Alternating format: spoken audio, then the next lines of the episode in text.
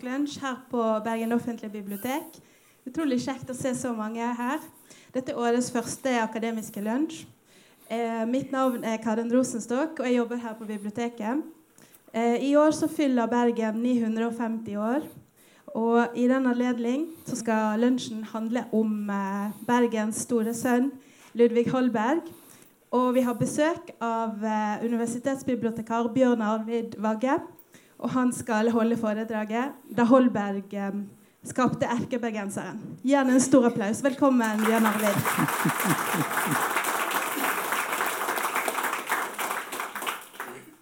Takk for det. Å ja, her virket det til og med med en gang. Eh, ja Tittelen er jo spennende i seg sjøl. 'Holberg og erkebergenseren'. Det, vi får ta det litt etter hvert, hva som tanker jeg har gjort meg om det. Eh, ellers så syns jeg det er utrolig kjekt at det er så mange som har lyst til å komme og høre på meg. Eh, det jeg vil fortelle om, da skal vi gå til kjernen her. Jeg vil fortelle om Holbergs bergensbeskrivelse, hva den forteller om Bergen og bergenserne. Eh, bergensbeskrivelse, du kan si at det er en blanding mellom en historisk fremstilling av, av eh, byen, men det er også forsøk på å fremskrive og beskrive byen sånn som den er på Holbergs egen tid. Eh, jeg vil snakke kort om den bergenske historietradisjonen der Holberg hører hjemme. Deretter vil jeg naturlig nok bruke mesteparten av tiden å snakke om Holbergs bergensbeskrivelse og hva han forteller om stort og smått om eh, Bergens historie og om bergenserne på hans tid. Erkebergenseren, vel Noen bergenstrekks, eh, hos Holberg finnes som vi kan knytte an til en erkebergenser. Og dette er jo begreper som er blitt tenkt ved han i ettertid. De skal jo selvfølgelig også eh, snakkes om. Da er det å si at det heter fint akademisk lunsj. Jeg er ikke sikker på hva akademisk dere vil oppfatte dette, men, men, det er i hvert fall gøy å få lov å komme her og fortelle litt. Fortelle litt historie og litt historier, pleier jeg også å si. Ja, Vi kjenner jo til Holberg alle sammen. Han var jo født i Bergen. Eh, byens store sønn. Andre steder, Danmark, der har de jo tatt den til seg, og der han, har han en enorm status i forhold til Bergen. Jeg har vært i Danmark og besøkt steder, og der står det plakat, plaketter der han har sovet, sovet og overnattet.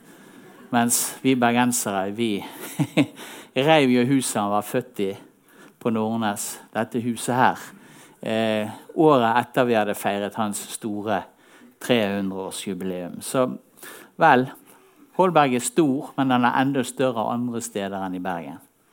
Vel, Holberg forlot Bergen da, omsider for godt i 1704. Han ville da til København for å studere ved Universitetet i København. Eh, Holberg eh, var der en god del år og utga sin første bok i 1711 som het 'Introduksjon til de fornemste europeiske rikers historie'. Eh, Holberg jobbet innenfor mange sjangre. Eh, I raptuser, som vi sikkert har hørt mange eh, knyttet til Holberg. Altså, han, skrev i, han skrev filosofi, han skrev drama, som kanskje er mest kjent i våre dager, og historie. Og mye, mye, mye mer. Det er historiebiten som egentlig er Holbergs hovedvirksomhet virksomhet i hans liv. Og over to tredjedeler av Holberg sin eh, publisistiske virksomhet var faktisk historie. Og hans store hovedverk het 'Danmark rikes historie', et svært trebindsverk som kom fra mellom 1732 og 35. Og Holberg, når han bodde i København, hadde, fikk jo seg et gods etter hvert osv. også. Bodde da her i Fiolstredet. Det er et fint, koselig bilde, syns jeg. Vel, i 1737, 33 år etter at Holberg forlot Bergen, utga han da den berømmelige norske handelsstad Bergens historie. Eh, vi tror at, eller vi vet Han må ha hatt en ganske stor leserskare på denne boken. For den kom i fire opplag mellom 1737 og 1750. Og det kan ha sammenheng med I samtiden ble det sett som en viktig historisk kilde. Etter hvert så mister den eh, betydningen når andre verker blir oppdaget og andre verker blir eh, mer brukt. Eh, bakgrunnen for bybeskrivelsen var at Holberg under arbeidet med sitt store hovedverk som vi var inne på, Danmark rikes historie, fikk tak i et manuskript om Bergen av den bergenske 1600-tallsteologen og skolemannen Edvard Edvardsen. Dette skrev han sammen og utga. Ja, altså, Holberg sier jo sjøl at jo, en historiker er en mann som får tak i ti bøker og så trekker ut det han er interessert i, og lager sin bok. Eh, og Det er jo egentlig det han gjør. Her tar han egentlig tak i én hovedbok. Men ved hjelp av egen hukommelse fra hva han husker fra Bergen i barndommen, og ved hjelp av andre opplysninger, så har han også skrevet fire nye kapitler og utfylt Edvardsen sin fremstilling frem til, eh, frem til Holbergs egen tid. Vi må jo si noe om denne godeste Edvardsen òg. Ja, Edvardsen sitt verk het da Den hadde den greie tittelen den vidt, den i fordum dage kongelige residens og ennå høyprivilegerede kjøp og handelsstad Bergen, ute i Norge av atskillige bøker og manuskripter med aller største flid sammensanket og skrevet av én som er født i Bergen. Grei liten tittel på en bok. Vel, det jeg, si, jeg vil jo si noe om, om Edvardsen òg. Nydelige bilder av latinskolen. Ja, Det er litt viktig å vise, for Holberg var jo lærer på latinskolen han var teolog og pedagog. Og Drivkraften for Edvardsen og når han skrev sitt manuskript, det var jo kjærligheten til hjembyen Bergen. Ønsket om å gjøre byen kjent. Eh, han så det som en viktig oppgave for å redde byens historiske materiale. Og Det er litt viktig, for byen brant jo jevnt og trutt. Og det er takket være han vi har en del kilder som faktisk han skrev inn i sine bøker. Han er jo det som vi ville kalt antikvarist. altså den Det er en tradisjon hvor innsamling av materiale er viktigere enn kritisk fortolkning og vurdering av kildene. Sånn type 1600-tallsstil.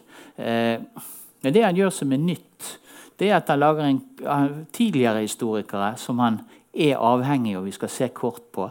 Eh, de systematiserer ikke materialet. De lager en kronologisk fortelling. Eh, Edvardsen han lager en systematisk emneinndeling på alle opplysninger om byen. Det er på en måte noe nytt. Men Edvardsen står ikke alene. Han hører til en Bergens historietradisjon, som jeg òg syns jeg må få si bitte lite grann om. Eh, I Bergen så vet vi at det har vært historieskrivning fra, ja, fra rundt 1550-årene. Og I utgangspunktet var den særegne bergenshumanismen som vokste frem etter reformasjonstiden i Bergen. Eh, knyttet til den så var det jo da en rekke kjente forfattere.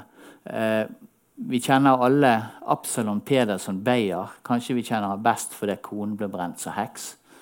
Eh, et annet tidlig verk, 'Den bergenske fundas', som er på en måte urkilden til mye av historien om Bergen. Eh, de fleste drar veldig mye veksler på den bergenske fundas. Her for øvrig en tysk utgave. Eh, vi har den norske so, som er en, en eh, et, et, skrift som på en måte et allegori som snakker stygt om stort sett alt som har med, med Bergen å gjøre, og spesielt stygt om tyskerne som er i Bergen. Eh, dette forfatter, altså denne, denne, denne, tradisjonen her jo, vokser egentlig frem som følge av konfliktene med, med tyskerne. Altså, denne si, denne kretsen er opptatt av eh, preges av nasjonal selvhevdelse, spesielt overfor asiatene, men også i en viss grad overfor danskene. Det må på en måte ses i sammenheng med at det er en politisk strid i, i Bergen mellom, mellom den danske lensherren og de tyske som er i byen. Vi skal komme litt tilbake igjen til det. Og Dermed så får du det som nærmest tendensskrifter om tyskerne eh, i en historisk kontekst.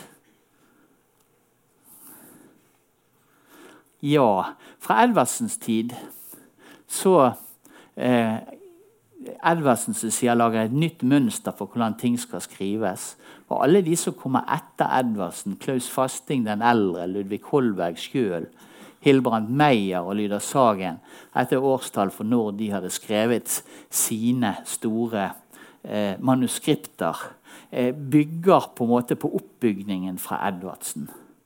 Eh, veldig eh, inter interessant i seg sjøl, for vi kan se en, en, en linje fra, eh, fra Edvardsen og eh, fremover. Men egentlig vi kan se linjen helt tilbake inn til 1550-årene. Eh, vi kan si Alle disse tatt, eh, skriftene har gjensidige avhengighetsforhold til hverandre. Tatt mønster av hverandre. Avgrensningene til Bergen de eksisterer egentlig uavhengig av den andre historieskrivningen som utenfor Bergen. Og det er inni denne tradisjonen Holberg sin bybeskrivelse slutter seg.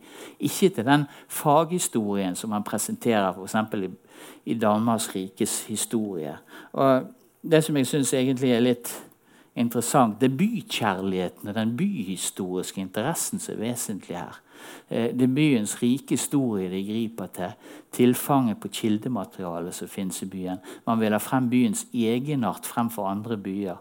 Alt dette blir viktige momenter i den historieskrivningen. Bergens isolerte og selvstendige stilling var med på å appellere til det lokalhistoriske. Det er kjærligheten til byen det synes jeg er så flott. Du leser om disse gamle. Det er kjærligheten til byen og stoltheten hjembyen som, over hjembyen som er felles motiv for disse disse som skrev på denne tiden. Og Det kan du egentlig si, det gjelder for disse som skriver på 1500-tallet og helt opp til, opp til eh, 1820-årene. Eh, Først med Yngvar Nilsen sin bok 'Bergen fra de eldste tider inn til nutiden' i 1870 får du på en måte en annen innstilling til dette med historieskriving.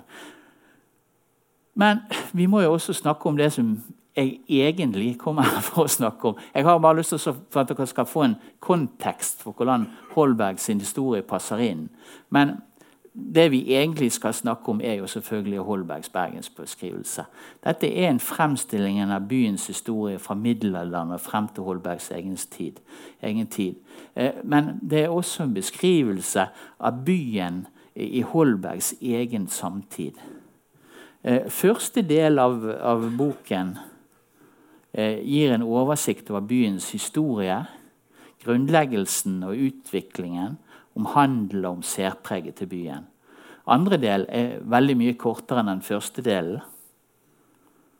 Eh, kanskje bare så mye som en tredjedel. Og handler i all hovedsak om det hanseatiske kontoret i Bergen. Og I siste del så griper han tilbake og forteller om hva, hvordan Bergen stift er. Områdene rundt Bergen, Strilelandet med mer. Ja, vi må begynne i begynnelsen. Eh, først, Holbergs utgangspunkt når han starter i boken sin. Første kapittelet bringer leseren rett inn i sentrale problemstillinger i byhistorien. Opprinnelsen til navnet Bergen og dets opprinnelse. Eh, dette er noe veldig mange av disse her arbeider med. Og ikke minst navnet Bergen og hva det kommer av. Og Det som vi faktisk diskuterer jo den dag i dag òg, er jo et sentralt tema. Det er jo diskusjonen om byen er grunnlagt, eller om den er vokst frem. Jeg tror det var et stykke sist i går av Ersland som er litt inne på dette i, i Bergens Tidende for de som fremdeles leser avisen. Eh, eh, ja Ellers så går han da videre og snakker om byens historie og utvikling og bebyggelse. Et hovedpoeng er jo hvordan byens branner har vært med å forme dens, om, eh, dens utseende. Eh, deretter så går han inn og begynner å snakke om, om eh, hva som har gjort byen kjent. Eh, konger med tilhørighet til byen omtales. Kongenes rikspolitiske handlinger blir bare hoppet rett og slett over. Men slag og trefninger knyttet til byen omtales kongelige besøk i Bergen og begivenheter knyttet til disse blir det jo eh, lagt vekt på. Både tema og opplysninger er som jeg har prøvd å sammenligne, egentlig bare hentet direkte fra Edvardsen. Men Holberg har bare tatt vekk alt som han ikke er interessert i sjøl. Sånn var det nok veldig mye ble, ble gjort. Eh, etter å ha gjengitt byens eldste historie beskriver han byens geografiske plassering og omland Og han gir da en, sam, samtidig et innspill i den evige bergenske debatten. Hva er byens syv fjell? Holberg sier at dette er Rundemannen, Fløyen, Oldrik, Solheimsfjell, Damsfjellet, Ludderhorn og Askelandsbjerg. Så kan jo dere finne ut hva fjell han egentlig sikter til. Deretter skildrer Holberg byens bebyggelsesstruktur. Byen beskrives med utgangspunktet i Nordnes. Det er Nykirkens kirkesogn. Eh, Nordnes og Strandgaten som er byens største gate. Eh, er skillet mellom Nykirken og Domkirken. Og hele veien innover så er det sjøboder og hoper hvor man kan seile inn. Og Han forteller den store strandgate med smuer og tverrgater gjør mer enn en halve del av staden så vel ute i størrelse som ute i viktighet. Til den største del av husene er kjøpmannshus og kramboder, og er de fleste bygget av sten med murede og brannfrie kjellere. Og Her ser vi hvor stor Strandgaten er i, der, i den tiden. Den var så stor at jeg måtte dele bildet opp i to. Men ja, jeg syns det er et flott bilde for øvrig, for en sånn stort eh, bilde fra 1740 som viser en fin, detaljert oversikt over Bergen. Eh, Vel, han beskriver jo da selvfølgelig også eh, rådhus og strøket, som han regner for å være byens fineste. Eh, bryggen beskriver han som et eget område eh, fra Bryggens porter, omtrent altså Hanseatisk museum lå til Dreggen. Eh, når det gjelder eh, byen som Holberg beskriver, så når jeg begynte å lese Holberg, så jeg får ikke dette til å stemme. Eh, det jeg tror Holberg gjør eh, Han skal beskrive byen, men byen i 1737. Men det han egentlig beskriver her, det er egentlig barndommens by. Eh, årsaken til det er at eh, han forteller for at Strandgaten har murhus. Alle de husene brant ned til grunnen i den store bybrannen i 1702. Og Deretter så blir trehusbyen Bergen det som vokser frem. Eh, jeg ser for meg at både, ja, både Edvardsen og Holbergs barndom så, Det var før bybrannen i 1702. Så var det murhus. Eh, etterpå er det trehus. og Når jeg refererer til murhusene, så må det rett og slett bare bety at han skriver det han husker. Det er merkelig, for på andre områder er han ganske etterrettelig. Vel, forteller det også om byens praktbygg, selvfølgelig. Her med Nykirken. Behandler byens kirker og offentlige bygg i fortid, og noen skriver han ekstra mye om. Eh, vi har jo også selvfølgelig eh, Mariakirken. Rådhuset bruker han tid på. Og selvfølgelig Slottet eller Bergenhus bruker han eh, mye tid på å lage breie fremstillinger om. Eh, tegningen her for øvrig synes jeg er så flott og så, så glad for å få lov å vise. Det er den såkalte statskonduktør eller byarkitekt Johan jo, Joakim Reichborn som laget disse i 1765 68, knyttet til en annet byhistorisk verk. Eh, Hilbrand Meyer sine verker. Vel, fra denne topografiske beskrivelsen går Holberg over til å beskrive byens travle virksomhet, innbyggerne og folkelivet. Og Det er kanskje først og fremst her hvor de levende minnene fra Holbergs egen barndomsby kommer frem. Og Det er disse passasjene som vanligvis blir referert fra hans byhistorie. Holberg er f.eks. opptatt av Bergens skipsfart og dens handel. Og han viser helt tydelig stolthet når han forteller at byen kan måle seg med Rotterdam, som vi ser her. Og det som er en av Europas største sjøfartsbyer på denne tiden. Ja, fremdeles. Eh, han skriver jo da eh, Bukten er undertiden så full av skip og båter, så at man med møye kan komme der igjennom. Og erindrer jeg meg ikke at havet sett sådan vrimmel av fartøy ut i noen havn uten Rotterdam. Så han er veldig stolt over byen sin. God ting, det. Eh, ellers forteller han da om eh, sånne særtrekk med Bergen som ikke du finner igjen så mange steder. Transporten i byen går jo med flyttmenn. Eh, både på kryss og tvers av, av eh, de ulike bydelene. Og ikke minst fra de utallige skipene som ligger til Bergen, så er det denne flyttmannen som ror frem og tilbake. Jeg tror at Så seint som oppe rundt 1900 var det vel elleve flyttmannsstasjoner i Bergen. Og disse ble eh, eh, Det var taxiholdeplasser egentlig for den tiden. Eh, omtaler jo disse flyttmennene som Bergens gondolierer. Det er jo litt flott. Eh, Ellers er det jo havnens liv og byens mange skip som er jo elementer i bybildet. Og andre ting som jeg syns er fascinerende. da. I Bergen så var det ikke på denne tiden vanlig med vogner. Det var ikke vanlig med hjul. Eh, så varene ble fraktet rundt av bærere og sleder. Ganske interessant. Ting ble slept rundt i byen. Og disse stakkarene som bar, de fikk nå jaggu bedre òg. Dette er vår flotte, kjente tegnemester eh, Dreyer som har lagd disse bildene. Jeg syns de er helt fantastiske. Vel, som Holberg som bergenser så er han selvfølgelig opptatt av været. Eh, Holberg i forhold til Edvardsen, som bare ser alt, at alt er bra med Bergen, finner litt andre ting med Bergen som også er negative. Uleiligheter, som Holberg kaller det. F.eks. sier han om Bergen og været at hvis det ikke regner annet sted, så regner det i Bergen. Og Været gir sykdom. Men selv om det har vært mye pestbølger på 1600-tallet, så er ikke det været sånn som mange andre gir skyld for.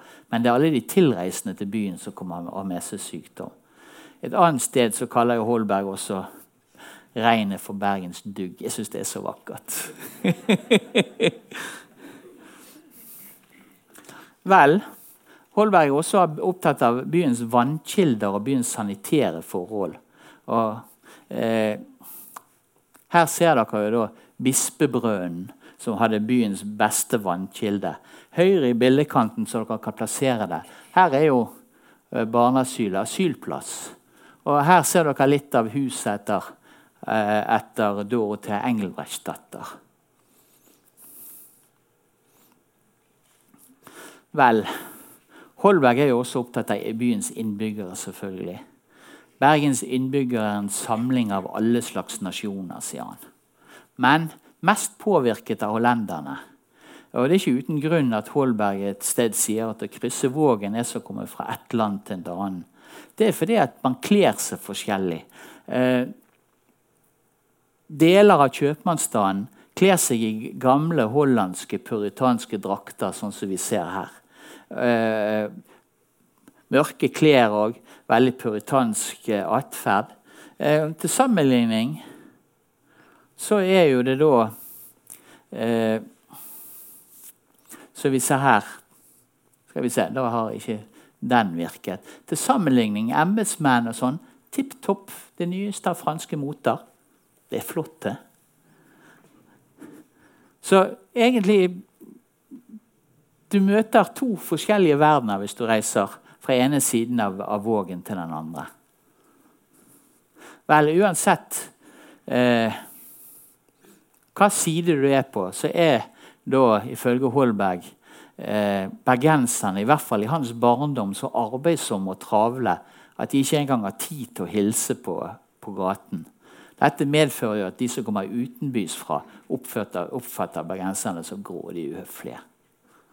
Og et av disse trekkene som blir hengende ved ja, bergenserne Han setter et stempel på bergenserne som skal stå i århundrer. I Bergen dreier livet seg hovedsakelig om handels- og handelsrelaterte emner. Og boklige lærdom har derfor liten plass. Denne beskrivelsen føres jo videre av seinere eh, personer. Både besøkende forteller det samme, og eh, Kjente bergensere som Klaus Fasting eh, er inne på de samme tingene. Og Dette er jo et av de karakteristiske trekkene som blir hengende ved bergenserne. Tross at vi har fått harmonien, tross at vi har dramatisk selskap, så er det det folk forbinder med bergenserne. Men bildet er jo fabelaktig flott. da. Der har vi piken som besøker besøke Strilen og krangler om fisken. Og det er så fint å bruke paraplyen for å pirke den. Ja, Selv om eh, handel har hatt forrang i Bergen, så eh, har, forteller Holberg, så er det jo mange i Bergen som har skrevet. På tross alt. Og Bergen har også fostret den største dikteren i de nordiske land. Dette er jo Holberg umåtelig stolt over. Det er da Dorothea Engelbrechtdatter, den store salmediktersken, som var jo regnet for å være den største dikterske i de nordiske landene. som sagt. Og Hun bodde jo da i, i, i Holbergs barndom så, I guttedagene hans så bodde han i huset like ved siden av der hun var fra. Så det var jo da på, på asylplass. Så det var han jo veldig, eh, veldig stolt av, har jeg følelsen av. Så han skriver eh, Dorothea Engelbrechtsdatter er den største poetinne som de nordiske riker har hatt. Eh, ja, den bekjente Dorothea Engelbrechtsdatter. Holberg har et noe blandet forhold til byens ungdom. Ungdommen er livlig, konstaterer han. De har vært mye ute i verden og reist og lært mye nytt. Spesielt er de påvirket av hollenderne når det gjelder svømming, skøyteløp og sledefart osv. Det negative ungdommene har med seg hjem fra reisene sine, det er de republikanske holdningene, som gjør seg diverse utslag. Ja, de bergenske ungdommene på Holbergs tid og disse gateguttene var beryktede, og forholdet til øvrigheten var ekstremt dårlig. Vi hører bl.a. fra Holbergs tid hvordan byens politimester blir steinet av guttebander. Her ser vi det. Eh, og straffene litt etter Holbergs tid, som jeg har, jeg har funnet på 1660- eh, og 70-tallet, de er jo da helt ekstreme. I Adresseavisen for 1775 så står det f.eks. et opprop fra stiftamtmann Lebtzau om at løse barn og unge på gaten uten bestilling, som tas f.eks. For, for tigging, skal inn til tukthuset for pisking. Og foreldrene skal på sin side stå en time i gapestokk. Det var en litt annen verden. Ja, Holberg forteller jo også om regelrette gateslag fra blant disse ungdommene. Og Det er ingen voksne som griper inn. Det er også jeg, jeg flirte for meg sjøl. Derimot står de voksne ved siden av og kommer med gode råd til sine unger om hvordan de skal vinne dette slagsmålet. Eh, En annen kilde eh, forteller jo om de samme begivenhetene. At eh, det foregår et slagsmål utenfor politimesterens vindu. Guttene får da av politimesteren sin eh, eh, tjener beskjed ikke om å slutte, men de får beskjed om å flytte slagsmålet fordi de forstyrrer politimesteren. Vel, til tross for det barske ytre er bergensungdommen kjent for å være så beskjeden at det ofte er foreldrene som må innfri og inngå ekteskapskontrakter på vegne av barna. Kjøpmannssønnen er nemlig vanskelig for å gjøre dette sjøl som Holberg skriver, det har vært en borgersønn besværligere å gjøre kur eller fri til et fruentimmer enn å gjøre en spansk reise. Eh, ja, man giftet seg med arbeidsomme folk uten hensyn til stand. Eh, men i Holbergs tid selvfølgelig, Nå er jo han, han sitter nede i København og er blitt en voksen, godt voksen mann. Så det har vi jo det at ungdommen er ikke sånn som var før osv. I hvert fall til hans eh, eh, fortvilelse eller irritasjon så forteller han at omgangsformer, klesmoter, tjenesteiver osv. er i ferd med å endre seg. Og dette skylder han selvfølgelig på alle disse her utlendingene som kommer og forvender eh, bergenserne sitt sinn fra alt, alle disse priselige levemåter som, som han forteller. Ja, nå har vi snakket om gutter. Vi må også si noe om jentene. Kvinnene, inkludert de unge pikene, var i kontrast til de unge mennene forventet å være svært beskjedne. Kvinnene skulle være tilbakeholdne. Det ble regnet for å være uanstendig å hilse på en mann på gaten. Eh, Bergens rykte som løsaktig som sjøfartsby det, det legger han selvfølgelig på sjøfolkene i byen. For bergenserne har jo dette middelet mot løsaktighet. Arbeid. Bergenserne er så fabelaktig flinke til å arbeide. Men han motsier på en måte litt seg sjøl òg. For på den andre siden forteller Holberg også at mange av disse kvinnene driver handel i Bergen. Eh, ofte pga. at mannen er på reise. Så det henger ikke helt i sammen. Men det er kanskje et skille her at overklassen og så det aller øverste borgerskapet sine kvinner hadde én kodeks, mens eh, småborgerne og vanlige folk hadde en annen kodeks. Ellers er jo Holberg veldig fremsynt i forhold til kvinnens stilling. Noe som kommer frem både i forsvarsskriftet for den intellektuelle Sillegard, som egentlig skulle henrettes for, for barnedrap. Eh, og Samtidig også når han utgir en egen bok om kvinnelige heltinner. Og Han forteller sjøl at han liker seg egentlig best i lag med, med kvinner. Eh, ja, som alle opplysningsmenn så er jo Holberg eh, opptatt av handel.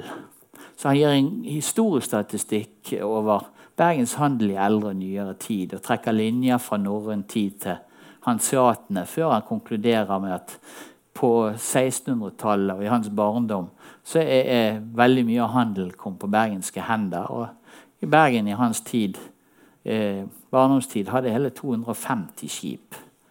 Eh, forteller også at engelskmennene var de som var først i Bergen, men at de fordrives av tyskerne. Og Holberg ser på en måte engelskmennene som et positivt trekk i, som en motvekt til tyskerne. Men han er jo også opptatt av andre ting. Øvrigheten er jo et sånt eksempel. Holberg redegjør nemlig også for byens øvrighet. Eh, lager lister over eh, øvrighetspersoner med biografiske opplysninger. Forteller om konger som har styrt Bergen, om lensherrer, stiftbefalingsmenn og, og lagmenn. Eh, disse ramses opp med der han har litt opplysninger. Han forteller jo også om de forskjellige geistlige institusjonene og lager lister over katolske og protestantiske eh, biskoper med ganske saftige karakteristikker av de, av de, av de forskjellige. Så det er ganske, ganske spennende lesing. Eh, vi skal gå i, eh, si, Her kan vi egentlig stoppe om det som handler om bok 1. Så skal vi gå til del 2, bok 2.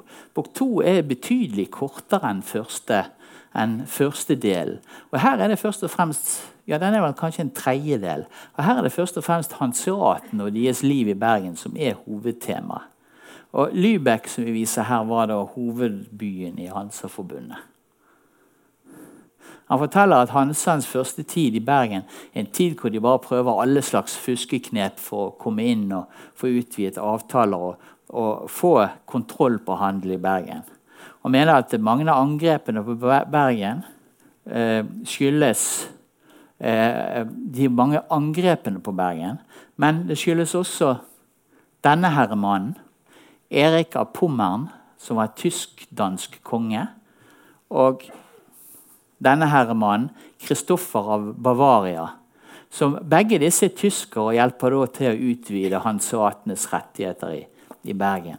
I 1455 så støttes tyskerne da også av erkebiskopen i Trondheim, eh, Aslak Bolt. Dette medfører at tyskerne får opphold i byen hele året, oppretter egne kontorer for avsending av varer. De får tyske håndverkere til byen som skal produsere varer for tyskerne sjøl. De mer eller mindre skviser ut det som fins av Bergens, Bergens eget næringsliv. Ja. Holberg beskriver jo også virksomheten på Bryggen under tyskerne. Han mener at Bryggen egentlig har samme funksjon som før tyskerne kom under de norske kjøpmennene. Eh, og Han mener at Bryggen blir rent tysk etter eh, bybrannen i 1463, skriver han. Eh, her bommer han nok på årstallet. Det må være 1476, for det var året det var en stor bybrann. Eh, og beskriver da livet i en tysk Hansa-gård. Forteller om den strenge disiplinen, om organiseringen i gården. Om at mennesker er nødt til å være ugifte. At det er forbudt å flytte til andre deler av, av byen. Egentlig relativt eh, eh, barske kår for disse som kommer og skal oppholde seg i byen. Han forteller jo da om hvordan byen fungerer i tyskernes storhetstid. De har en egen organisasjon hvor de bl.a. har en eh, bygget opp med en oldermann, med en aktein, husbond, gesell. Her ser vi en mye seinere gesell og en, en, en, en, dreng som er ute og går i tegnemester Dreyer sin strek. Jeg syns det er veldig fint, det bildet der òg. Eh, men tilbake til hanseatene. Er egenrådige og forholder seg ikke til norsk lov. De har egne rettsinstanser, den såkalte gåsretten. Eh, har gjerdet inn bryggedsområdet for å skille det fra resten av byen. Og Noe han er veldig indignert for, det er jo den prostitusjonen som foregår i Bergen. Han forteller at hver oldermann, aktein, sekretarius, husbond og tjenere hadde sin skjøge, så at det regnes omsider flere garpehorer enn garpehunder i Bergen. Det prostitusjonsstrøket lå jo oppe bak i Øvregaten. Det blir jo sagt at det var 29 bordeller der oppe. Igjen, Holberg er opptatt av handel, så han forteller også om hanseatenes handel og de viktigste byene. Lübeck og Hamburgers viktige byer. Rostock, Stralsund og Wismar og Bremen likeså.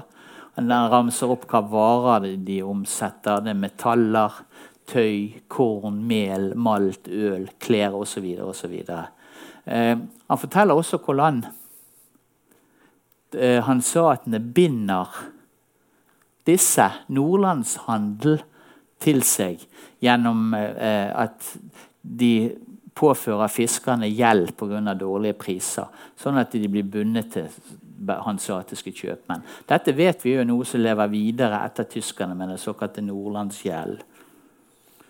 Eh, ja, tyskerne prøver også å egentlig kibbe ut alle andre som har muligheter for å handle på Nordland. Eh, det blir allikevel slått fast i lov i 1539 at også nordmenn eller byborgere i Bergen skal ha lov å handle. Men det skjer ingenting her. Tyskerne har skattefritak. De tar seg til rette og har egentlig Herrens glade dager. Først i 1550-årene som vi begynte med å fortelle om, kommer Kristoffer Valkendorf til Bergen som lensherre og får stoffe, stoppet og få gjort dette regelverket som gir like rettigheter for nordmenn og, og eh, hanseater eh, gjeldende. Ja, det er andre ting med hanseatene som jeg syns er jo interessant. Eh, Holberg er jo så opptatt av hanseatenes spill. Dere har sikkert Mange av dere har hørt om spill. Alle nye måtte gjennomgå disse. De var innført, egentlig Årsaken til de, eh, alle nye på på Bryggen. Spillet var innført for at ikke eh, kontoret skulle bli et sted for rikmannsunger. Og ganske brutale eh, hva skal vi kalle det, initieringsritualer. Eh, det var mange spill, men det som jeg har fascinert meg mest, for det har en historie knyttet til fløypilen, det var det såkalte røykspillet. Rekruttene ble hengt over en røykfylt peis mens de måtte svare på spørsmål. Men, men da en av guttene ble røykt i hjel på svenskgården, fikk gården da i bot og vedlikehold og værhanen på Fløyen. Og siden så har vi hatt den. Eh, disse eh, spillene blir jo forbudt i 1671. Det er Edvardsen Ed, Holberg henter disse opplysningene fra, selvfølgelig. Eh, siden de er før hans tid. Vel, Vi må også si noe om hanseatenes nedgangstid. og Det forteller også Holberg om. Han beskriver striden mellom de tyske håndverkerne og Kristoffer Walkendorf. Der har vi en barsk herremann ved navn Kristoffer Walkendorf. Han slåss da med de tyske håndverkerne som holdt til i Vågsbunn. Eh, han gir de valget mellom enten å bare reise fra byen, eller at de må innordne seg bergensk, eh, nei, unnskyld, de dansk-norske lovene. Eh, halvparten reiser. Den andre halvparten blir igjen og blir en del av og egentlig stammen i en, en uh, ny norsk, uh, bergensk håndverksstand. Eh, når mange forlater landet, så sier Holberg det er to kla klasser. Bruker ikke klassebegrepet, men to grupper igjen av de som betyr noe i byen. Det er byens øvrige borgere og de kontorske. Deretter så starter jo da Valkendorf en, jeg vil nærmest si en offensiv mot hanseatene. Han forbyr prostitusjon, f.eks. Setter kanoner strategiske plasser i byen, sånn at, at uh, han kan militært beherske uh, bryggeområdene, presser de tyske kirkene inn under den bergenske biskopen og får revet alle hager mellom Slottet og Mariakirken for å gi utsyn og kontroll med Bergenhus. Eh, Valkendorf starter en prosess her som blir fulgt av senere konger. Kristian 4., Kristian 5. osv. Så, videre. så vi er på en måte Hanseatene får en mye mindre viktig betydning. Kontoret er kun nå en skygge av et anselig stort sosietet, skriver Holberg om dette. Ja, for i Holbergs egen tid så er fremdeles tyskerne et viktig innslag i bybildet. Eh, det er ikke sånn at når hanseatene forsvinner Det hanseatiske kontor forsvinner vel i 1754. Eh, så er ikke det sånn at eh, Fremdeles er det tyske håndverkere som driver veldig mye av handel. Men de kommer og blir bergensborgere. Og de har da lov til å ta seg kone i byen. Det er jo seg sjøl er interessant. Så mye av Bryggen blir da norsk med innflyttede tyskere, men det er folk som er borgere i Bergen. Vi kjenner jo mange til Borgerboken, hvor disse blir skrevet inn. Og De nyankomne innordner seg da byens øvrighet og viser byens borgere høflighet, som skriver så greit. Han forteller man kan i alminnelighet sige at de kontor skal oppføre seg nå helt skikkeligen, så at de i den henseende fortjener like så meget at berømmes som deres forfedre har vært fortjent at lastes. Egentlig litt uh, flott formulert. Vel, Holberg avslutter sin uh, bok eh, med å gi en beskrivelse av uh, Bergenhus stift. Eh, beskriver fogderien og prostien i Bergen. og Forteller at det er Hardanger, Sunnhordlen, Nordhordlen, Sogn, Sunnfjord, Nordfjord og Sunnmøre som er det som hører til. Eh, redegjør for navnet, altså hvor kommer navnet fra. Forteller om de spesielle geografiske trekk og næringsveier. Og lister opp navnene på alle kirkene og prestegjeldene. Altså Detaljnivået kan bli sånn ør. Men, men, men, det er jo spennende for den som historiker er på jakt etter navn. Eh, og, og detaljene i historien. Ja, jeg vil avslutte noe med å si Jeg her lurte på om jeg skulle skrive overskriften 'Den bergenske Holberg' eller 'Holbergs bergenser'. Eh, bildet for øvrig er fra avdukingen av Holberg-statuen 3.12. 1884. Og vi ser at Holberg hadde en stor stjerne. Det høspøser, men det er stinn brakke. Eh, avslutte for å oppsummere litt. Holberg henter mye sitt materiale fra Edvard Edvardsen. Men han skriver inn bergenstradisjon, som vi var inne på.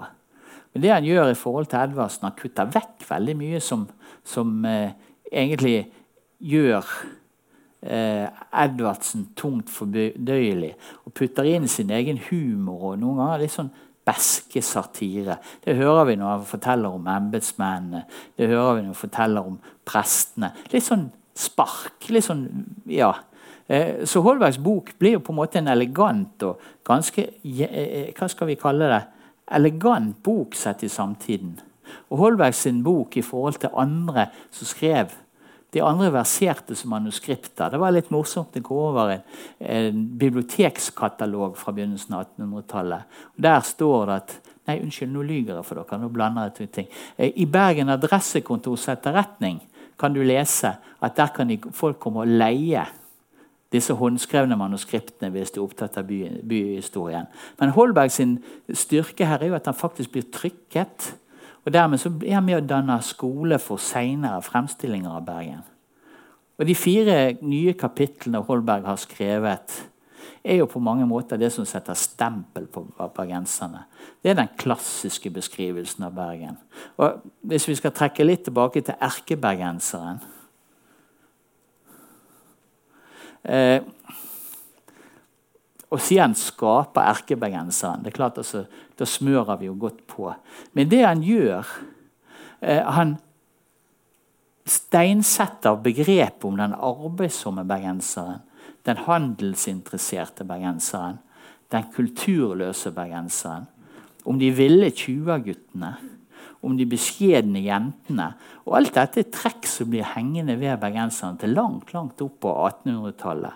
Og kommer inn i beskrivelser både av Holberg sjøl, men også av f.eks. Klaus Fasting. Men også besøkende henger seg opp i, i, disse trekkene. Så dette er et trekk som han påpeker som kom, går igjen og igjen i andre beskrivelser. Så Sånn sett kan vi si at han skaper erkebergenseren. Eller påpeker i hvert fall at dette er reelle fenomener. Eh, plutselig så var jeg ferdig. Det, det eh, det Ja. Sånn blir det når man blir litt engasjert. Eh, jeg håper dere syns dette var litt interessant. Og jeg syns det var veldig kjekt å få lov å fortelle for dere.